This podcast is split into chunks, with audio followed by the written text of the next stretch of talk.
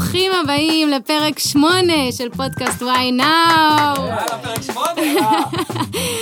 הפודקאסט שעוסק בהתפתחות אישית וכלכלית עבור דור ה-Y, וואי נאו, למה עכשיו? אז הפרק הזה עוסק בשוק התעסוקה החדש והמשתנה. לפני שנתחיל ונעמיק פנימה, כמובן, אני רוצה שתכירו את דני גל, האיש והאולפן דניאל גל. האחד והיחיד. אני רותם, מאמנת אישית ומנהלת שותפויות במכון דרייב. ושי פה. אהלן אהלן, שי, 28, כימאי, אה, משקיע בנדל"ן ושוק ההון. תודה לכם שאתם פה, מעריכים את זה מאוד, את כל הפרגון, אה, וכמה שאתם יכולים להפיץ את הבשורה, רק תעזרו לדור שלנו להתקדם. יאללה, בואי נתחיל. אז אנחנו מתחילים. לאלו שיותר engaged למה שקורה פה ואיתנו גם בקהילה, אז כמו שאם אתם זוכרים, היינו, עשינו בעצם אה, סקר, סקר של מה הייתם רוצים שיהיו הפרקים הבאים, ומה שניצח בסקר, חברים וחברות, השי, לא נראה לי שאנחנו מספיק התמקדנו בניצחון. אז uh, מה שניצח שם זה באמת כיצד אני יכול למצוא את התשוקה שלי. מה אני יכולה לעשות כדי להבין איפה התשוקה שלי. Uh, אגב, במונחים שלי התשוקה זה גם איפה שאני רוצה להיות, איפה שהייעוד שלי, במה אני רוצה לעסוק. ושני הפרקים הקרובים מתעסקים בזה. השוק, uh, סליחה, הפרק היום מתעסק בשוק התעסוקה החדש, ודרך זה אנחנו נמשיך uh, לאחר מכן בפרק עם שירה. וזו בעצם מטרתנו אה, בפרק, להבין מה השתנה ואיך אנחנו מוצאים את הדרך שלנו בעולם הזה. אז לפני שאנחנו מתחילים, רציתי להתחיל בשאלה. כל כמה, אה, כל כמה זמן, כמה שנים בממוצע, בן או בת דור ה-Y עובר עבודה? אני מהמר על שנה. שנה, אוקיי, וואו, עשית אותנו עם קוצים בתחת. דני גל, על כמה אתה מהמר? שנתיים. שנתיים. אז כל הכבוד לדני גל מנצח. דני גל חד, דני גל חד. הוא מנצח בשאלון הזריז של מי צודק אצל רותם גולן. סתם, אז דני גל צודק, וזה באמת כל שנתיים, אה, שנתיים שלוש בממוצע, אה, חברי דור ה-Y עוברים עבודה. אגב, כמה בממוצע ההורים שלנו, דור ה-X? בטח הרבה יותר. בניסיון אישי של הוריי, יכול לומר בטח 20 שנה כזה. 25. אז באמת בין 10 אה, ל-15 שנים, חלקם גם 20, אה, וזה באמת הרבה מאוד זמן, וזה בגלל ששוק העבודה השתנה, ואגב, אחרי הקורונה הוא משתנה הרבה יותר. אה, אני רק אגיד שמסקר קצר שנעשה בכלכליסט, הרבה דברים פה יהיו קשורים לסקרים בכלכליסט ודה מרקר, אבל 45% מהמנהלים שהם בני דור ה-Y עוזבים את מקום העבודה לאחר שנתיים בלבד. 27.4% מהמנהלים השיבו שהצעירים נשארים עד שלוש שנים, כלומר הצעירים מדור ה-Y, ו-12.3 אחוזים העידו שהם עוזבים לאחר שנה בלבד. אה, כלומר, רק 8.2 אחוזים נשארים יותר משלוש שנים, שזה ממש נתון נכון. די מטורף. זה מטורף, ואת יודעת, הזכרנו את זה בפרק הראשון קצת, אה, ואנחנו, אני חושב שגם אני וגם את מבינים מאיפה זה בא, זאת אומרת, יש לזה יתרונות, ויש לזה גם חסרונות. אה, אני חושב ש... הסקר הזה הוא מאוד כללי ולכן כשפונים לכל אחד בשאלה תוך כמה שנים עזבת את העבודה ולאן הלכת, אז צריך באמת התמקדות בכל אחד מהאנשים האלו שעזבו את המקום עבודה, רק ככה שנתמקד באנשים אפשר לשפוט האם הדבר הזה היה נכון במרכאות או לא נכון. זה ככה שקר שהוא מאוד מאוד כללי. זאת אומרת, יש אנשים שבאמת עזבו לתפקיד טוב יותר, או השיגו את מה שהם צריכים להשיג בזמן קצר יותר, או פתאום הציעו להם אה, מחיר טוב יותר, או תפקיד גדול יותר, וזה דווקא חיובי. וכאלו שעברו סתם כי איך שהם נכנסו, ראו עבודה, כמו שאומרים, הדשא של השכן ירוק יותר. ראו עבודה, אותה עבודה בעוד אלף שקל ועברו. זה לאו דווקא שיפור יותר מדי גדול של ההצלחה שלהם, או של התנאים שלהם, או של התפקיד שלהם. נכון, אני אגיד שלא התייחסנו לסיבות המעבר, רק למעבר אה, לכשעצמו, בעצם כן. מעבודה לעבודה. אגב, mm-hmm. זו בשורה מאוד לא טובה למעסיקים. לנו זו בשורה לא רע, כי זה אומר שהשמיים הם הגבול, אפילו הם לא הגבול אם נרצה, אבל תכף ניגע גם בזה. השאלה השנייה, מה הסיבה העיקרית שבגללה אנשים עוזבים את עבודתם? כסף. אז הרבה מאוד אנשים חושבים שזה כסף, ואני אגיד שהסיבה העיקרית היא משמעות. אה, לפי מחקרים שבוצעו גם בכלכליסט וגם בדה מרקר אה, מ-2018, הרבה מאוד חבר'ה בני דור ה-Y עוזבים כי הם מרגישים לא משמעותיים מספיק ולא רלוונטיים מספיק בארגון שלהם, כלומר, יכולים להחליף אותי בכל אדם אחר, ולכן אני עוזב. אני רוצה להרגיש שייך, רלוונטי, חשוב, משמעותי, שזה נתון די מפתיע, ודווקא הנתון השני הוא בונוסים וכסף. אה, שגורם לאנשים לעזוב, אבל נמצא במקום שתיים. אני אגיד בסוגריים, הערת אגב, שלאור משבר הקורונה, צופים ששוק התעסוקה החדש עוד פעם יחזור לימים אה, של דור ה-X, שבעצם נחפש שוב יציבות דווקא, וקיבעון מסוים ויציבות תעסוקתית, ולאו דווקא משמעות. לגמרי הגיוני, אבל אני כן מאמין שבטווח הארוך אנחנו נחזור למה שהיינו. זאת אומרת, בטח פה עכשיו שנה-שנתיים אנשים, כמו שאומרים, ילקקו את הפצעים, ויגידו, טוב, אני רק רוצה הכנסה, אני רק רוצה כאילו להתמקם ו- ולסגור את החובות ושיהיה לי איזשהו ביטחון כלכלי, אבל הדור שלנו הוא דור ש... שהרבה יותר רוצה משמעות, ואולי הוא יוכל במרכאות לאכול את, ה... את, ה... את הדבר הזה שנה-שנתיים, אבל אחרי שנתיים כבר, בזמן, ברגע שהדור שלנו יתמקם על עצמו ויתאפס על עצמו, אנחנו ישר נחזור ל, למה שאנחנו, כמו שאומרים. שהמשמעות הרבה יותר, בעלת הרבה יותר משקל מהכסף. טוב, והשאלה השלישית, אה, דרך איזה מקור הכי יעיל למצוא עבודה? אני חשבתי קורות חיים. אוקיי. דרך אומרת... לשליחה של, שנניח אני אשלח ל-30 מקומות, 30 אה, מקומות עבודה קורות חיים, זה משהו יתפוס. אמ-המ. אז מסתבר שמקור הגיוס האפקטיבי ביותר זה חבר מביא חבר. 66 אחוז. מטורף. אחר כך גיוס דרך רשתות חברתיות, שזה 35 אחוז, ואחרי זה head hunting ו sourcing, שזה 25 אחוז, והכי פחות יעיל, לוחות דרושים. שזה דווקא כל הקורות חיים והדברים נכון. האלו שמגישים שם. זה מטורף, לוחות דרושים, כאילו זה, זה באמת ישן, אבל אני הייתי מופתע שחבר מביא חבר הוא כרגע מה שהכי תופס, הייתי בטוח שאת יודעת, עם הדור שלנו וההשתכללות של הטכנולוגיה, אז הרבה יותר רלוונטי וחזק יהיה כל הקטע הזה של האינטרנט ושל הפייסבוק ושל האינסטגרם ושל הלינקדין, שזה חזק מאוד, אבל כמו שאנחנו רואים, יש פה יתרון מאוד מאוד גדול לחבר מביא חבר.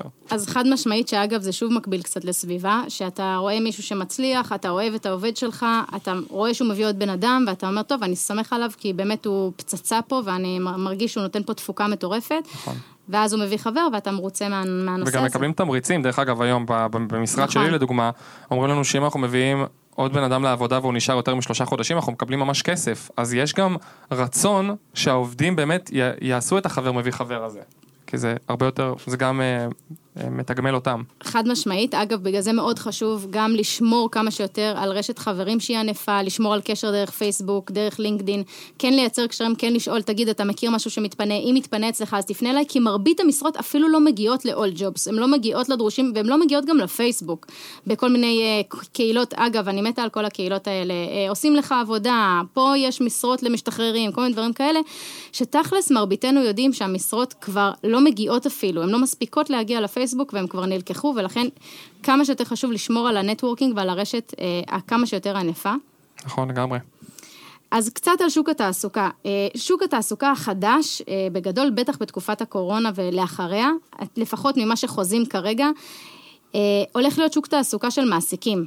אם עד כה שוק התעסוקה אה, היה של אה, עובדים, כי יכולנו לבחור איזו עבודה ולקפוץ בין עבודות וכל הזמן לשדרג את התנאי שכר שלנו, וגם כי היו, היו הרבה מאוד עובדים והרבה מאוד חברות, היה הרבה יותר היצע של חברות, כלומר הרבה יותר יכולתי לבחור איפה אני רוצה לעבוד ואז הכוח הוא אצלי. היום הכוח, וכבר רואים את זה בתקופה הזו, הכוח אצל המעסיק. אה, וכך צופים שהשוק ייראה אה, לפחות בשנה, שנתיים הקרובות עד שהכל יתייצב. כלומר, המעסיק יכול אה, להוריד אותנו בתנאי שכר, יש כרגע הרבה היצע של עובדים ולכן הכוח נמצא אצל המעסיק והוא בוחר. כן, אז אפשר לדבר על גם אחד הדברים... אם אנחנו מדברים על שוק התעסוקה החדש, אז בעצם יש שלושה דברים מרכזיים שהיום קורים. שלושה דברים מרכזיים שהאמת היא שהם צברו תאוצה, אה, בעיקר, בייחוד בתקופת הקורונה. חד משמעי. אה, והדבר הראשון באמת זה אי ודאות. אי ודאות. לא נראה לי שצריך להכביר במילים למה, אה, אבל אני חושב שכמו שאמרת בהתחלה, שהדור שלנו כנראה בשנתיים הקרובות ילך לכיוון דור ה-X, כלומר אה, לחפש את היציבות בעבודה. זה באמת אחד הדברים, אחת הסיבות זה בעצם אי הוודאות. כי כן. ההורים שלנו 20-30 שנה בעבודה, למה? כי הם חיפשו ודאות, הם חיפשו ביטחון. לא היה, פחות היה אכפת להם מהגשמה עצמית, הם יותר חיפשו את הביטחון הכלכלי, את הביטחון שיש את העבודה, את התנאים, את הכל. נכון, אבל אני אגיד שאי הוודאות נוצרה גם מהדבר השלישי שאנחנו נדבר עליו היום, שזה אין הסללה, כמו בעבר. כלומר, אם בעבר ההורים שלנו ידעו שאם נלך להיות עורכי דין ונלך ללמד עריכת דין, רואי חשבון, נעשה את זה כל החיים שלנו ונרוויח כסף, אז היום זה לא כל כך המצב, ולכן חוסר ההסללה, אי ההסללה, היעדר שלה מההורים, גורם לנו אה, להיות קצת אבודים. אנחנו רואים אנשים שלומדים עריכת דין ולא שעוסקים בזה. אנחנו רואים אנשים שלומדים ראיית חשבון, ואז מלצרים. אנחנו רואים אנשים שמתעסקים ב... אה, אני לא יודעת, אפילו מקצועות כמו, שאתה יודע, היו בטוחים, אה, רופאים או דברים כאלה, ואתה רואה שהם ממש מתקשים אה, להיכנס למקומות השווים, ואז אולי הם חושבים על הסבה עוד לפני שהם מגיעים לסוף התואר, ולכן החוסר הסללה, והיום השוק שהוא מאוד לא ודאי, אנחנו צריכים גם להסתגל עליו מאוד בזריזות, וגם הוא יוצר תופעה שתכף נגיע אליה. נכון, גם ההסללה היא מאוד קיצונית. אנחנו רואים לדוגמה, משהו שקורה במדינה בחמש-שש שנים האחרונות, המדינה הבינה שאחד הסקטורים הכי רווחיים שלה זה הייטק.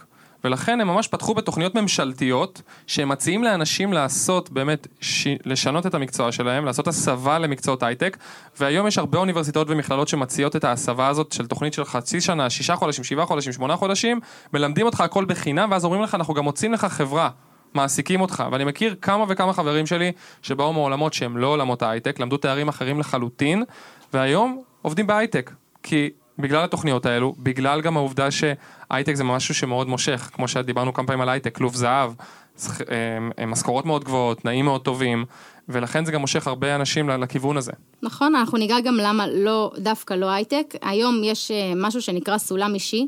אם פעם הייתה את ההסללה, היום הסולם האישי גורם לנו לשנות אה, מקצועות ותעסוקה מאוד מהר. זה גורם לשפע, שפע מאוד מאוד גדול. אנחנו בתוך אה, שפע כזה גדול, הנורמות של העולם הישן פשוט לא, לא מסתדרות עם מה שקורה, ויש כאוס כזה שאין מוצא. זה ממש כמו סירה בים סוער, שאתה רואה פה גל ופה גל ופה דברים צצים, או כמו ילד שתשים אותו בחנות ממתקים, תגיד לו מה לבחור, והוא פשוט לא ידע, הוא יגיד שהוא רוצה הכל, אז זה מה שקורה היום לדור שלנו בהרבה מאוד מובנים. בפורום הכלכלי, אגב, אה, לדוגמה, פורום כלכלי עולמי, יש שתי מגמות מרכזיות שקורות עכשיו. הראשונה, תולדה של מקצועות חדשים, ומעבר לעולם שמבוסס כישורים, אגב, ולא אקדמיה, שזה דבר קריטי מאוד שאנחנו, יהיה עליו פרק גם בהמשך. והדבר השני, המגמה השנייה, היא חוסר יציבות תעסוקתית שעליה דיברנו. התולדה של מקצועות חדשים כמו מנהל קהילה, או אינסטגרם אה, מייקר, או כל מיני אנשים כאלה שמתעסקים בניהול שיווק, כל מיני דברים כאלו שפעם לא היו, רשתות דיגיטליות, אלו דברים שלא נמצאים היום באקדמיה, גם אם נרצה ללמוד תקשורת באקדמיה, זה רחוק שנות אור ממה שעושים היום בשוק, האקדמיה לא מתחדשת בזריזות כמו שמתחדש השוק, ולכן, ואגב זה טיפ שלי כרותם, אה, כמישהי שהייתה יועצת תעסוקתית במשך שנתיים, והיום מתעסקת גם בפיתוח ואימון אישי בנושא הזה, אני אומרת לכם, אם לא נצבור ניסיון בזמן תואר, סלש, ניקח עוד כישורים וקורסים, אה, כמו אה, שיווק, כמו אה, דיגיטלי, כמו אוטומציה, כל דבר שמעניין אתכם, פשוט יהיה מאוד קשה להתקדם, כי היום השוק הוא שוק של כישורים. כמה שיותר כישורים שיש לך ולא כמה שיותר תארים. אני לא אתיימר ואגיד שהאקדמיה לא חשובה. אני כן רואה עדיין הרבה מאוד מקצועות והרבה מאוד תחומים ומעסיקים שמחפשים את זה, אבל לצד האקדמיה היום הרבה יותר מורכב, האקדמיה לא מקנה לנו כלום. אנחנו מסיימים תואר, מסתכלים לעבר השוק, ואז מחכים, מי ייקח אותי? מי הראשון שלוקח אותי? נכון. וזה פשוט לא עובד ככה. נכון, גם היום אני, אני גם רואה גם למקצועות שדורשות אקדמיה, נגיד לדוגמה, אה, טוב, אנחנו מדברים על מקצועות נורא קיצוניים, נגיד רפואה, ברור שצריך ללמוד רפואה, אבל הרבה פעמים אני מסתכל על עולם ההייטק, אז פעם, מה זה פעם? גם היום, כדי לעבוד בהייטק, הרבה הולכים ולומדים מדעי המחשב, או הנדסת מחשבים, דברים כאלו. היום, הרבה פעמים חברות הייטק יעדיפו אנשים שעשו כמה קורסים במחשב, באינטרנט, אבל צברו ניסיון בחברה, מאשר בן אדם שמגיע פרש בלי ניסיון בכלל מהאקדמיה, כי יודעים שהקורסים הם הרבה יותר uh, updated, כאילו הם הרבה יותר, uh, כוללים חומר הרבה יותר ישים ופרקטי, מאשר החומר המאוד ישן והקורסים המאוד ישנים ש, ש, שנמצאים באוניברסיטה, שכמו שאת אומרת, זזה בצורה מאוד איטית לעבר הקדמה, במרכאות. נכון, לגמרי הבחור הזה יהיה לו הרבה יותר כישורים ומיומנויות. חלוטין. שזה השוק החדש. שאם, אגב, אם רוצים לצאת מפה עם משפט אחד מהפרק הזה, שוק התעסוקה החדש, גם לאחר הקורונה, יהיה על בסיס מיומנויות וכישורים. אה, וזו אני כרותם אומרת, ועל בסיס כמה מחקרים שקראתי במיוחד לפרק הזה, ואני אומרת לכם, זה הולך להיות הכיוון, ולכן כמה שיותר אה, כישורים וקורסים שאתם יכולים לקחת, זה הזמן. נדבר רגע על שלושה יסודות קצרים, אה, שכן מנחים אותי לפחות, כמישהי שגם מראיינת וראיינה הרבה מאוד אנשים, גם בזום, גם קורות חיים, אז שלושה דברים רגע חשובים שהם מצפן, כמו מצפן בשביל לנווט בבטחה בעולם התעסוקה החדש. הראשון זה מדורת השבט. כל מה שקשור למה שדיברנו בהתחלה, נטוורקינג, חברויות, קשרים, זה חשוב ברמה שקשה לי אפילו אה, אה, להסביר, ואם לא הספיק לכם הנתון של 66 אחוזים שמגיעים חבר מביא חבר, כמה שיותר רשת ענפה של חברים ולא מאותו תחום. לחלוטין. הרבה פעמים היום שומעים, אה, איך הגעת לתפקיד הזה, איך עשית את זה, איך עשית את זה, החבר של החברה, שלה, אשתי, ח... הכל היום, היום הרבה זה קשרים. כמובן שגם יש עולם שלם של איך מנצלים קשרים. ברור, ברור. אה, לדעת לנצל אותם בצורה נכונה, אבל עולם שלם הוא באמת עולם הקשרים. היום היכולת לייצר קשרים, לפעמים היא הרבה יותר חשובה מהסט ערכים או מהסט מיומנויות שאתה מביא איתך מהבית. והיסוד השני שלנו, אני לגמרי מסכימה, היסוד השני זה הצופה בהווה. כלומר, להתבונן וללמוד בפרספקטיבה של צופה עכשיו בזמן הווה. זה דורש מאיתנו לחשוב, להתכנס רגע לתוך עצמי בשביל רפלקציה. האם אני במקום שנכון לי? האם אני במקום שלא טוב לי? האם אני במקום שהחוזקות שלי באות לידי ביטוי? או שאני עובדת פה על חולשות ויהיה לי מאוד קשה להגביר קצב, כי אני על הצד החלש שלי ולא על הצד החזק. וגם לא ממקום ביקורתי, אלא ממקום באמת רפלקטיבי, שאני יודעת לדבר עם עצמי ולהבין האם אני במקום שנכון לי או לא. אחרת, אני אני אתקע הרבה מאוד זמן במקומות שלא טובים לי. לגמרי, לחלוטין. היסוד השלישי שלנו הוא חקירת העתיד. לחקור קדימה, להסתכל לעבר העתיד, מה אני יכולה לרכוש, איזה מקצוע מעניין אותי, מה נמצא בסביבה שלי שהוא כיעד עבורי, בשביל שיהיה לי לאן לצפות. תקשיבו, הרבה אנשים שאני מדברת איתם ונמצאת איתם בתהליך, נמצאים באיזושהי נקודה ואומרים לי, אבל לאן? ואז כשאני שואלת אותו, אבל לאן, ברגע שהוא שואל את השאלה הזו, סליחה, אני מבינה שהוא לא בדק. הוא לא בדק מה מעניין אותו, הוא לא בדק מה העתיד שלו יכול, מה צופן העתיד, מה, איזה דברים הוא רואה שחברים שלו עושים ורלוונטיים לו. אין לו נקודה, אין לו מטרה להגיע אליה. אגב, כשאין לך מטרה להגיע אליה, זה כאילו אתה נוסע בווייז וכותב דרומה. לא תגיע לשום מקום, תגיע לדרום, אבל לא תגיע לשום עיר ולשום יד ולשום בית. נכון, ואני חושב שאת יודעת, זה לא רק מתחבר לעולם העבודה, זה מתחבר לכל דבר שאנחנו מדברים עליו בפודקאסט הזה.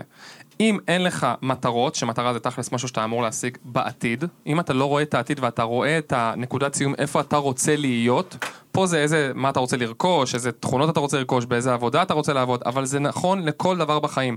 אם אתה מתחיל משהו, כל דבר, וגם על השקעות אנחנו מדברים. אם אתה מתחיל ונכנס להשקעה, ואין לך את הנקודת סיום, איפה אתה רוצה להיות בעוד איקס זמן, כמה כסף אתה רוצה לעשות באיקס זמן, באיזה עבודה אתה רוצה לעבוד ובאיזה תפקיד, אז אל תתחיל. אם אין לך את נקודת הסיום, אם אין לך את ה-Waze הזה, את היעד הסופי, חבל, שת, חבל שתתחיל. אז איך עושים את זה? שלושה טיפים כרגע, ואנחנו כמובן נרחיב על זה גם בפרק הבא עם שירה. טיפ ראשון, דברו עם עצמכם, תשאלו מה מעניין אתכם, מה החוזקות שלכם. אני ממליצה לכתוב בין 8 ל-10 חוזקות. מה החוזקות במה טוב? מבחינתי תכתבו לשיר במקלחת.